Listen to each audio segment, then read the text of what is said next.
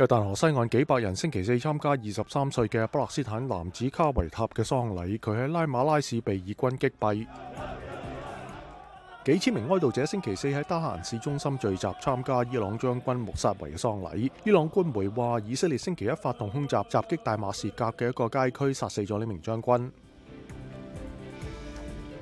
印度一輛巴士喺中部高速公路上同一部貨車正面相撞後起火，最少十三人死亡，十六人受傷。土耳其西北部嘅一条高速公路，七辆汽车星期四喺浓雾当中连环相撞，最少十人死亡，五十七人受伤。多瑙河洪水淹没咗匈牙利首都布达佩斯附近嘅路堤，因为积雪融化导致该地区水流量增加。